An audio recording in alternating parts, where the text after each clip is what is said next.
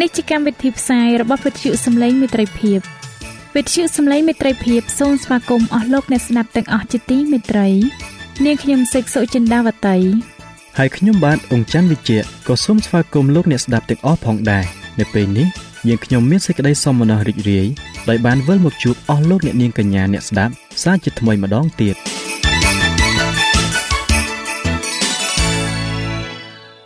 ចា៎លោកអ្នកស្ដាប់ជាទីមេត្រី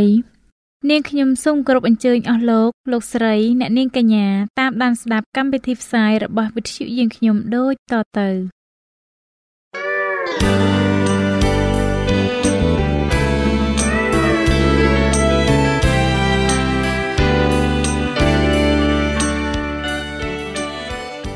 ព្រះបន្ទូលសម្រាប់អ្នកនៅថ្ងៃនេះព្រះគម្ពីរកូរិនថូសទី1ចំពុក13ខ1បានចែងថា ទោះបើខ្ញុំចេះនិយាយជាភាសារបស់មនុស្សជាតិទាំងប៉ុន្មាន និងភាសារបស់ពួកទេវតាផង តែគ្មានសេចក្តីស្រឡាញ់នោះខ្ញុំបានត្រឡប់ដូចជាលង្ហិនដែលលឺខ្ទរឬដូចជាឆឹងដែលលឺត្រហឹងប៉ុណ្ណោះ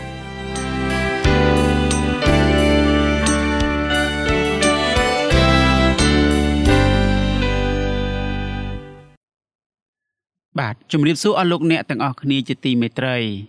សូមស្វាគមន៍មកកាន់មេរៀនសបាស្គូលប្រចាំសប្តាហ៍មេរៀនសម្រាប់សប្តាហ៍នេះ មានចំណងជើងថា ជនជាតិអាសឺត្រូវដួលរលំ សម្រាប់លោកអ្នកដែលចង់បានមេរៀននេះប្រើប្រាស់នៅលើទូរស័ព្ទដៃ Android របស់លោកអ្នកលោកអ្នកអាចទាញយកមេរៀននេះបានតាមរយៈ Play Store ដោយវាយពាក្យថាខ្មែរសបាស្គូលមុននឹងខ្ញុំបាទជម្រាបជូននៅខ្លឹមសារទាំងស្រុងនៃមេរៀននេះ ខ្ញុំបាទសូមអញ្ជើញអស់លោកអ្នកបានពិចារណានៅចំណុចមួយចំនួនតាក់ទងទៅនឹងមេរៀននេះដូចតទៅតើសាតាំងមានលក្ខណៈដូចគ្នានឹងរាជទូតរបស់សាសអាសឺយ៉ាងដូចម្តេចដែរតើសាតាំងបានប្រាប់នៅការពិតដែរឬទេ នៅពេលដែលវានិយាយអ្នកបានធ្វើបាបនោះតើអ្វីជាក្តីសង្ឃឹមតែមួយគត់របស់យើង ក្នុងការទប់ទល់នឹងសម្ដីរបស់សាតាំងតើ សាតាំងនឹងឈប់ចោតប្រកាន់ឬស្ដីបន្ទោសលោកអ្នកទេ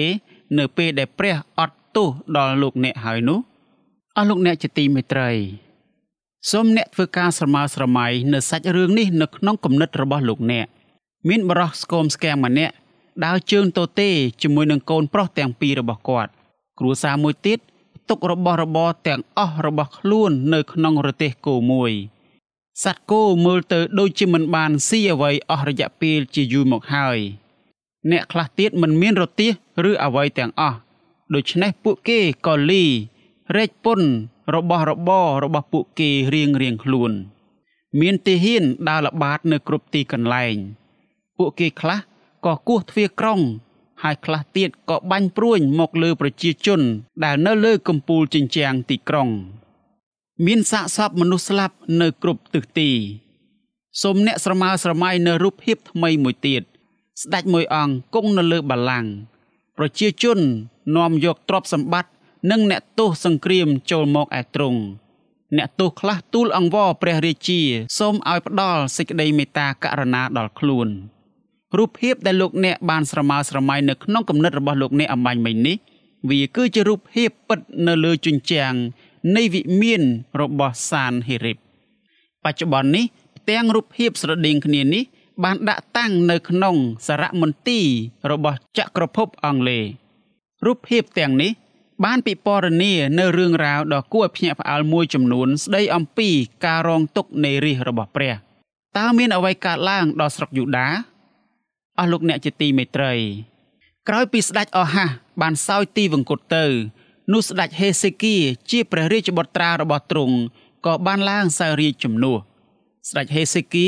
បានប្រតិបត្តិតាមគ្រប់ទាំងផ្លូវរបស់ព្រះជាម្ចាស់ប៉ុន្តែនៅគ្រាដែលទ្រង់បានឡើងសោយរាជជាស្ដេចនោះ អាណាចក្រយូដាបានបាត់បង់សេរីភាពអស់ទៅហើយនេះក៏ព្រោះតែស្ដេចអហាសបានទៅជួលដល់ក្រុងអាសឺឲ្យជួយការពារស្រុកយូដា ប្រឆាំងនឹងប្រទេសសេរី និងអ៊ីស្រាអែលខាងជើង ដូច្នេះហើយ នៅពេលដែលស្ដេចអង្គនេះបានឡើងគ្រងរាជនោះទ្រង់ត្រូវបង្ខំឲ្យបន្តផ្ដល់ពន្ធការពារដល់ស្រុកអាសឺដើម្បីការពារប្រទេសយូដាឲ្យមានសុវត្ថិភាព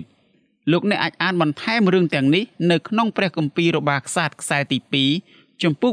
28ខ16ដល់ខ21ក្រោយពីស្ដេចសាហ្គូនទី2ដែលជាស្ដេចនៃស្រុកអាសឺបានសុគតទៅនៅក្នុងសង្គ្រាម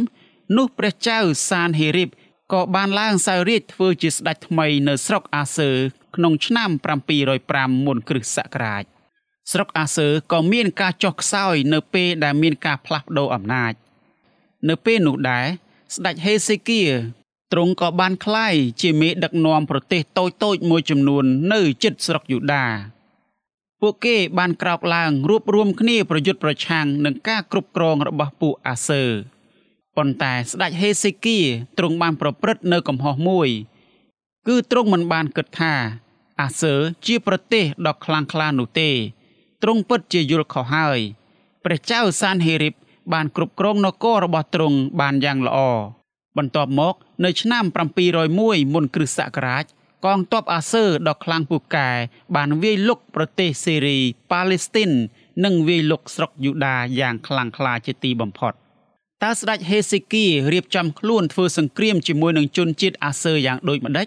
ព្រះគម្ពីររបស់ក្សត្រខ្សែទី2ជំពូក32ខ1ដល់ខ8បានចែងប្រាប់យើងថាក្រោយគ្រប់ទាំងការជាអំពើស្មោះត្រង់ទាំងនោះមកនោះសានហេរីបជាស្ដេចស្រុកអាសឺទ្រង់ទន្ទ្រានចូលមកក្នុងស្រុកយូដាបោះតបច្បាំងនឹងអស់ទាំងទីក្រុង មានបន្ទាយដោយប្រាថ្នាចង់ចាប់យកទីក្រុងទាំងនោះ កាលហេសេគៀទ្រង់ឃើញថាសានហេរីបបានមកដូច្នោះហើយមុខជាគិតមកច្បាំងនឹងក្រុងយេរូសាឡឹមដែរនោះទ្រង់ក៏ប្រឹក្សានឹងពួកអ្នកជាប្រធាន ហើយនឹងពួកមនុស្សខ្លាំងពូកែរបស់ទ្រង់សម្រេចនឹងទប់ប្រឡាយទឹកទាំងប៉ុន្មានដែលនៅខាងក្រៅទីក្រុង ហើយពួកអ្នកទាំងនោះក៏ជួយ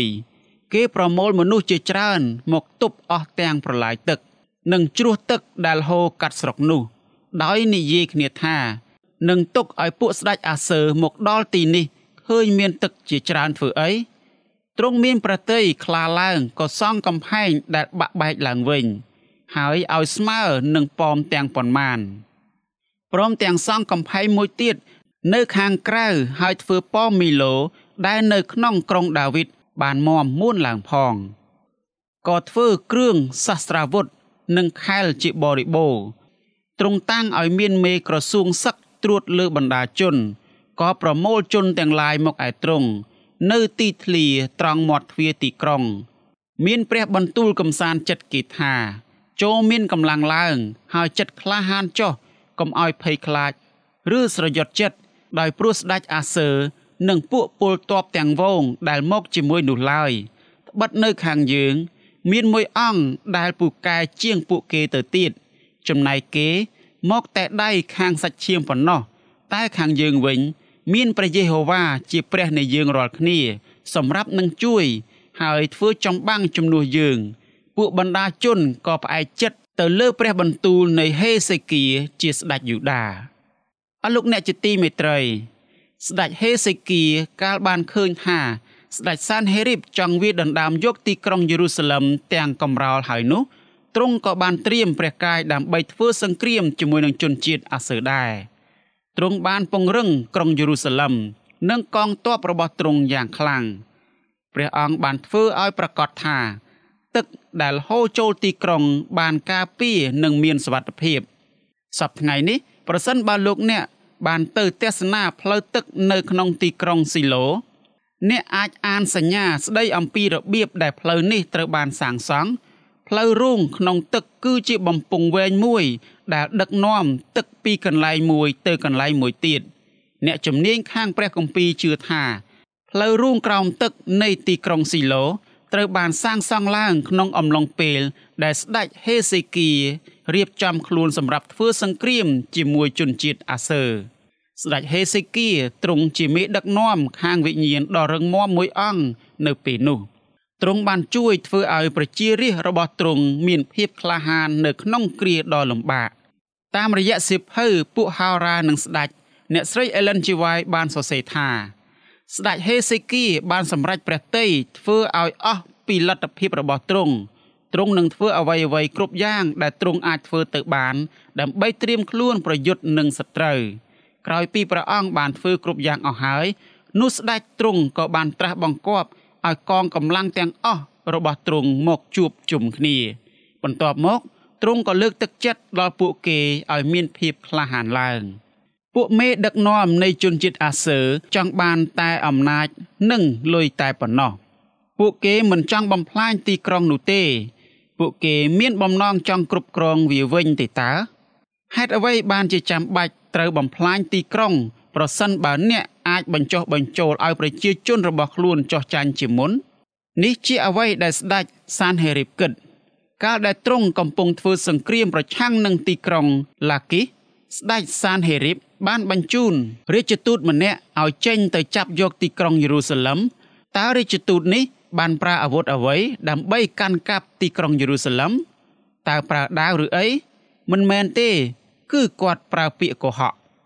តើរាជទូតម្នាក់នេះប្រើពាក្យកុហកអ្វីខ្លះដើម្បីធ្វើឲ្យប្រជាជនយូដាភ័យខ្លាចសូមអ្នកមើលព្រះគម្ពីរអេសាយជំពូក36ខ2ដល់ខ20ពងសាវតារខ្សាត់ខ្សែទី2ជំពូក18ខ17ដល់35របាខ្សាត់ខ្សែទី2ជំពូក32ខ9ដល់ខ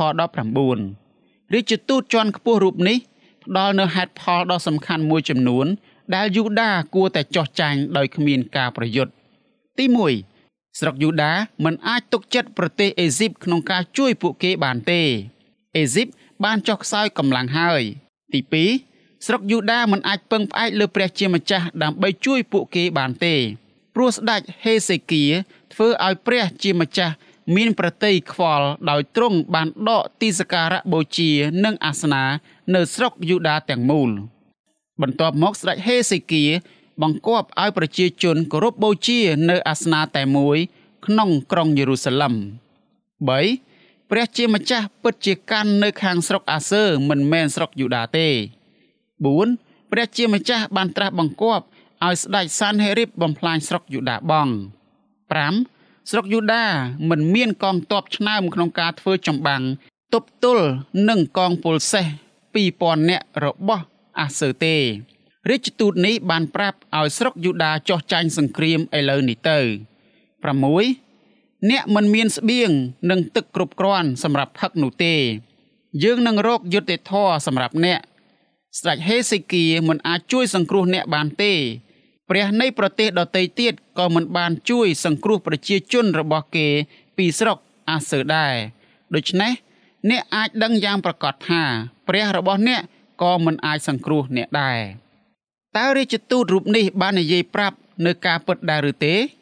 រឿងរ៉ាវភាគច្រើនដែលរាជទូតនេះបានរៀបរាប់គឺជាការពិត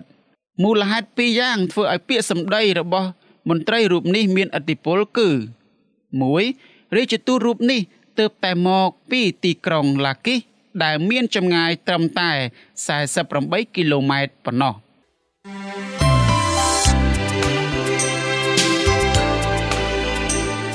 សេចក្តីជំនឿកើតឡើងដោយលឺហើយដែលលឺនោះគឺដោយសារព្រះបន្ទូលនៃព្រះ តាមរយៈវិទ្យុសំឡេងមិត្តភាព AWR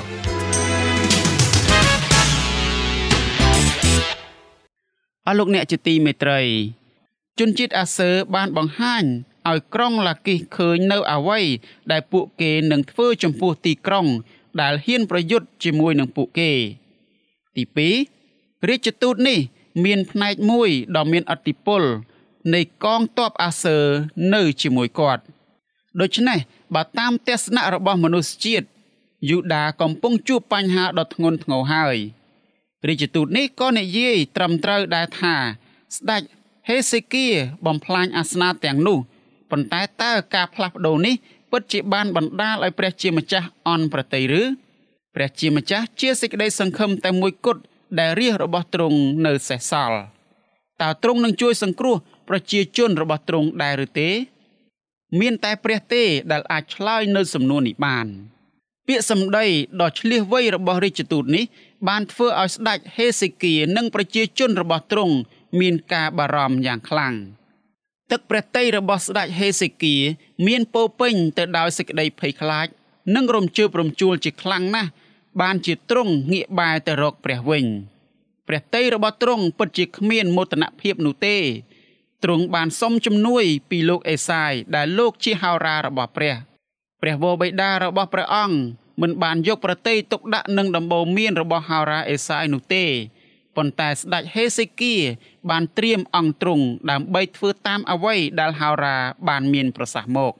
តើព្រះជាម្ចាស់ទ្រង់បានលើកទឹកចិត្តដល់ស្ដេចហេសេគៀយ៉ាងដូចម្ដេច ព្រះគម្ពីរអេសាយជំពូក37ខ5ដល់ខ7បានចែងថាពួកចំណិតរបស់ស្ដេចហេសេគៀក៏មកឯអេសាយហើយអេសាយលោកមានប្រសាសន៍ថាត្រូវឲ្យអ្នករាល់គ្នាទូលដល់ចៅវាយអ្នកថា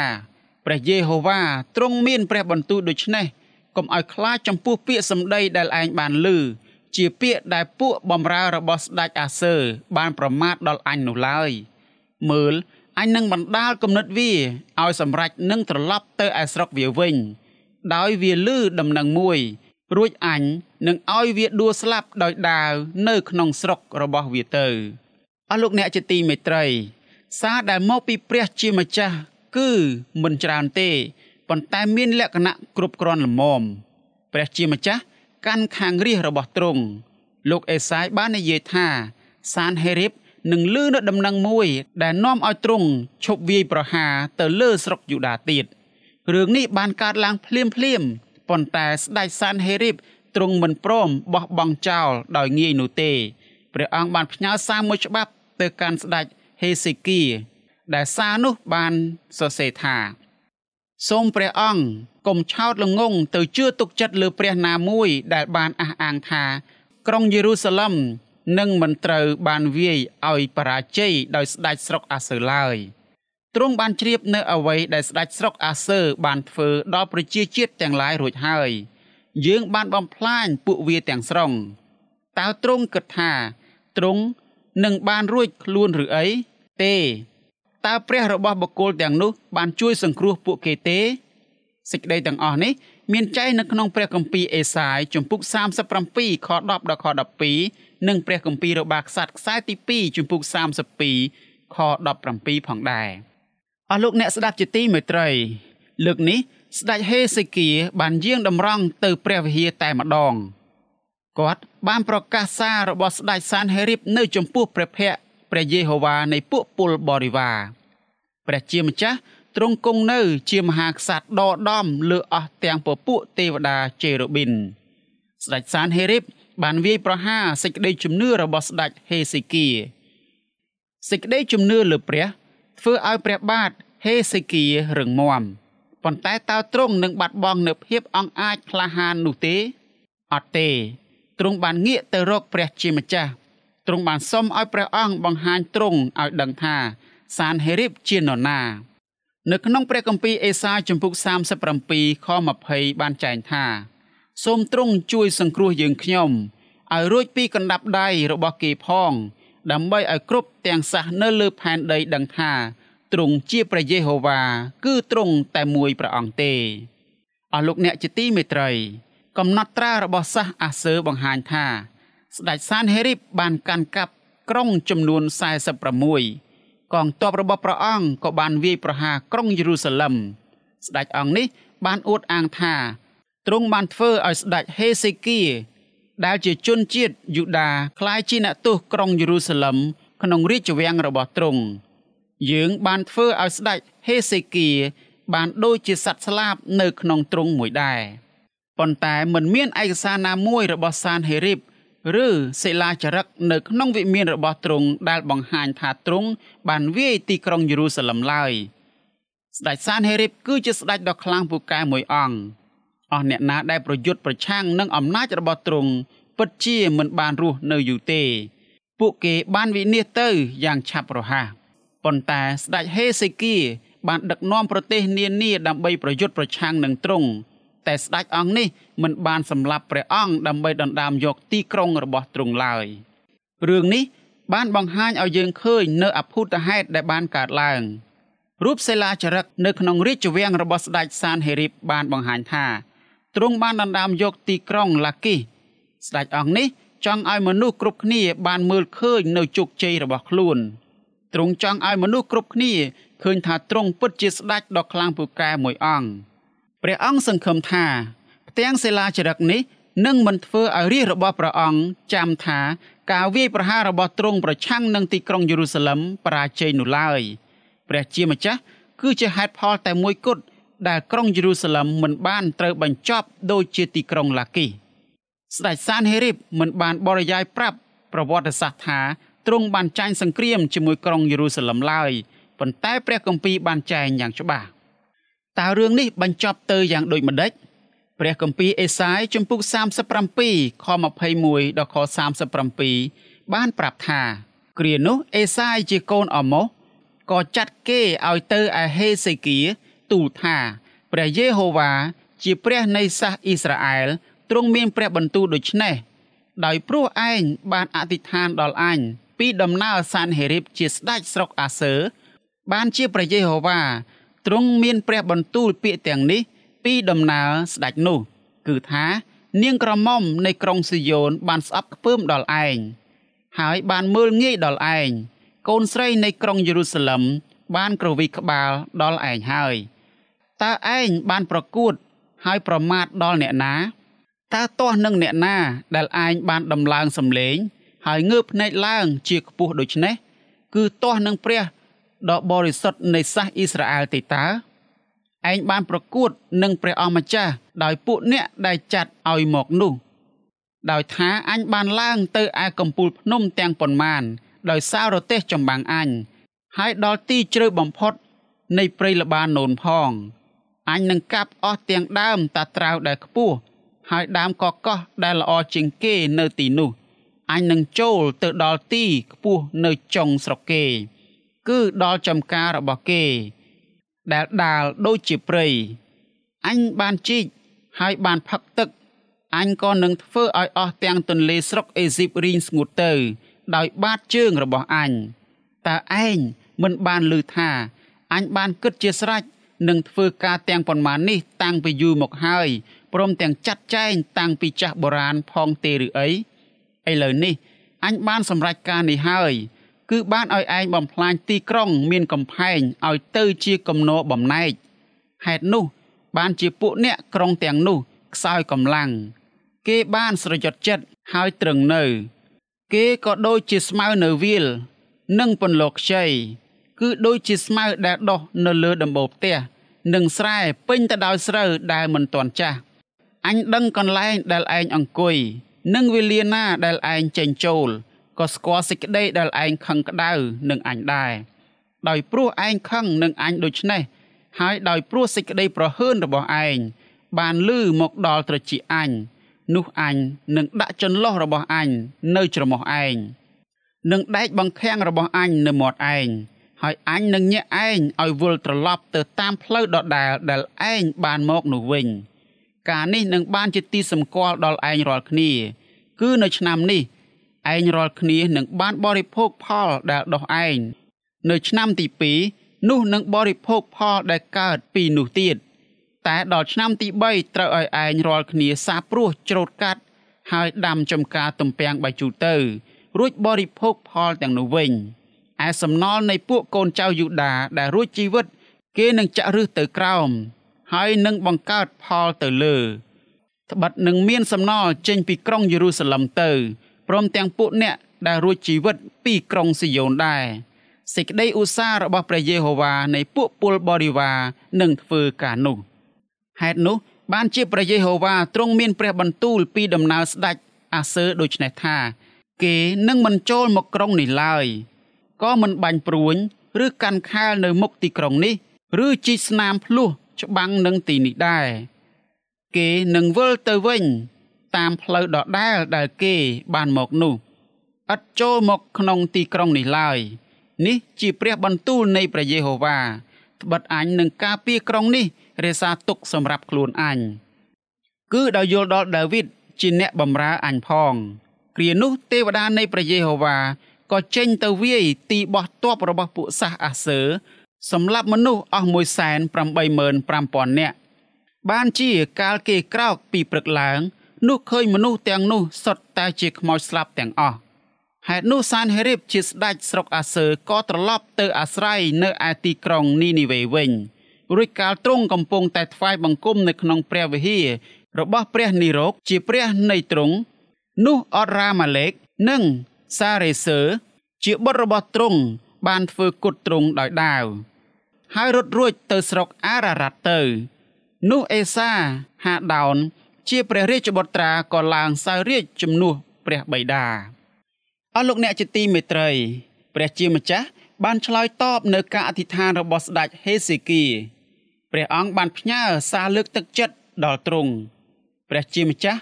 ទ្រង់មានព្រះពិរោធចំពោះស្ដេចសានហេរីបណាស់ពីព្រោះស្ដេចអង្គនេះហ៊ានប្រមាថស្ដេចលើសអស់ទាំងស្ដេចបន្ទាប់មក ព្រះជាម្ចាស់ទ្រង់ក៏បានរក្សាសេចក្តីសន្យារបស់ទ្រង់តែម្ដង ព្រះអង្គបានការពារក្រុងយេរូសាឡឹមបញ្ហាដ៏ធ្ងន់ធ្ងរក៏ត្រូវការអភូតហេតុដ៏ធំដែរព្រះបានប្រទាននៅអភូតហេតុមួយទាហានអាសឺជាច្រើនអ្នកបានស្លាប់ គឺចំនួន185,000នាក់ដូច្នេះស្ដេចសានហេរីបក៏គ្មានជំរឿសទៀតទេទ្រង់ត្រូវតែវិលត្រឡប់ទៅព្រះនគររបស់ទ្រង់វិញ នៅទីនោះព្រះអង្គក៏ត្រូវបានគេធ្វើគុត នៅក្នុងសិភៅពួកហោរានិងស្ដេចអ្នកស្រី Ellen G. White បានលើកឡើងថាព្រះជាម្ចាស់នៃជនជាតិហេប្រឺបានច្បាំងនឹងស្ដេចសានហេរីបដែលមានចិត្តពោពេញទៅដោយមោទនភាពព្រះជាម្ចាស់បានបង្ហាញព្រះចេស្តារបស់ទ្រង់ឲ្យប្រទេសនានានៅជុំវិញក្រុងយេរូសាឡឹមបានឃើញព្រះជាម្ចាស់ក៏បានល្បីព្រះនាម និងការស្ងើចសរសើរនៅក្នុងកែវភ្នែករបស់មនុស្សទាំងពួង អរលោកអ្នកស្ដាប់ជាទីមេត្រីសូមឲ្យខ្លឹមសារនៃមេរៀននេះ បានជាប្រពរនិងបានជាកម្លាំងចិត្តដល់អស់លោកអ្នកទាំងអស់គ្នាអស់លោកអ្នកបានឃើញហើយថានៅក្នុងស្ថានភាពដ៏វឹកវរជាទីបំផុតសម្រាប់ប្រទេសជាតិនោះព្រះជាម្ចាស់គឺជាទីពឹងដ៏ចម្បងបំផុតព្រះអង្គទ្រង់បានច្បាំងជំនួសរាជដ៏ស្មោះត្រង់របស់ទ្រង់ដែលពួកគេបានអំពាវនាវរកទ្រង់ដោយអស់អំពីចិត្ត ជាចុងបញ្ចប់នៃមេរៀននេះខ្ញុំបាទសូមជូនជាចំណងដៃនៅខព្រះគម្ពីរមួយដែលនៅក្នុងព្រះគម្ពីរអេសាយជំពូក37ខ16ដែលបានចែងថាអោព្រះយេហូវ៉ានៃពួកពលបរិវារជាព្រះនៃសាសអ៊ីស្រាអែលដែលគង់ពីលើជេរូប៊ីនអើយគឺទ្រង់តែមួយព្រះអង្គដែលជាព្រះនៃអស់ទាំងសះនៅលើផែនដីទ្រង់បានបង្កបង្កើតផ្ទៃមេឃនិងផែនដីសូមព្រះជាម្ចាស់ ទ្រង់បានជាកម្លាំងដល់អស់លោកអ្នកទាំងអស់គ្នា កម្មវិធីនេះនឹងវិលមកជួបអស់លោកអ្នកជាថ្មីម្ដងទៀតនៅសប្ដាហ៍ក្រោយ សូមអរគុណ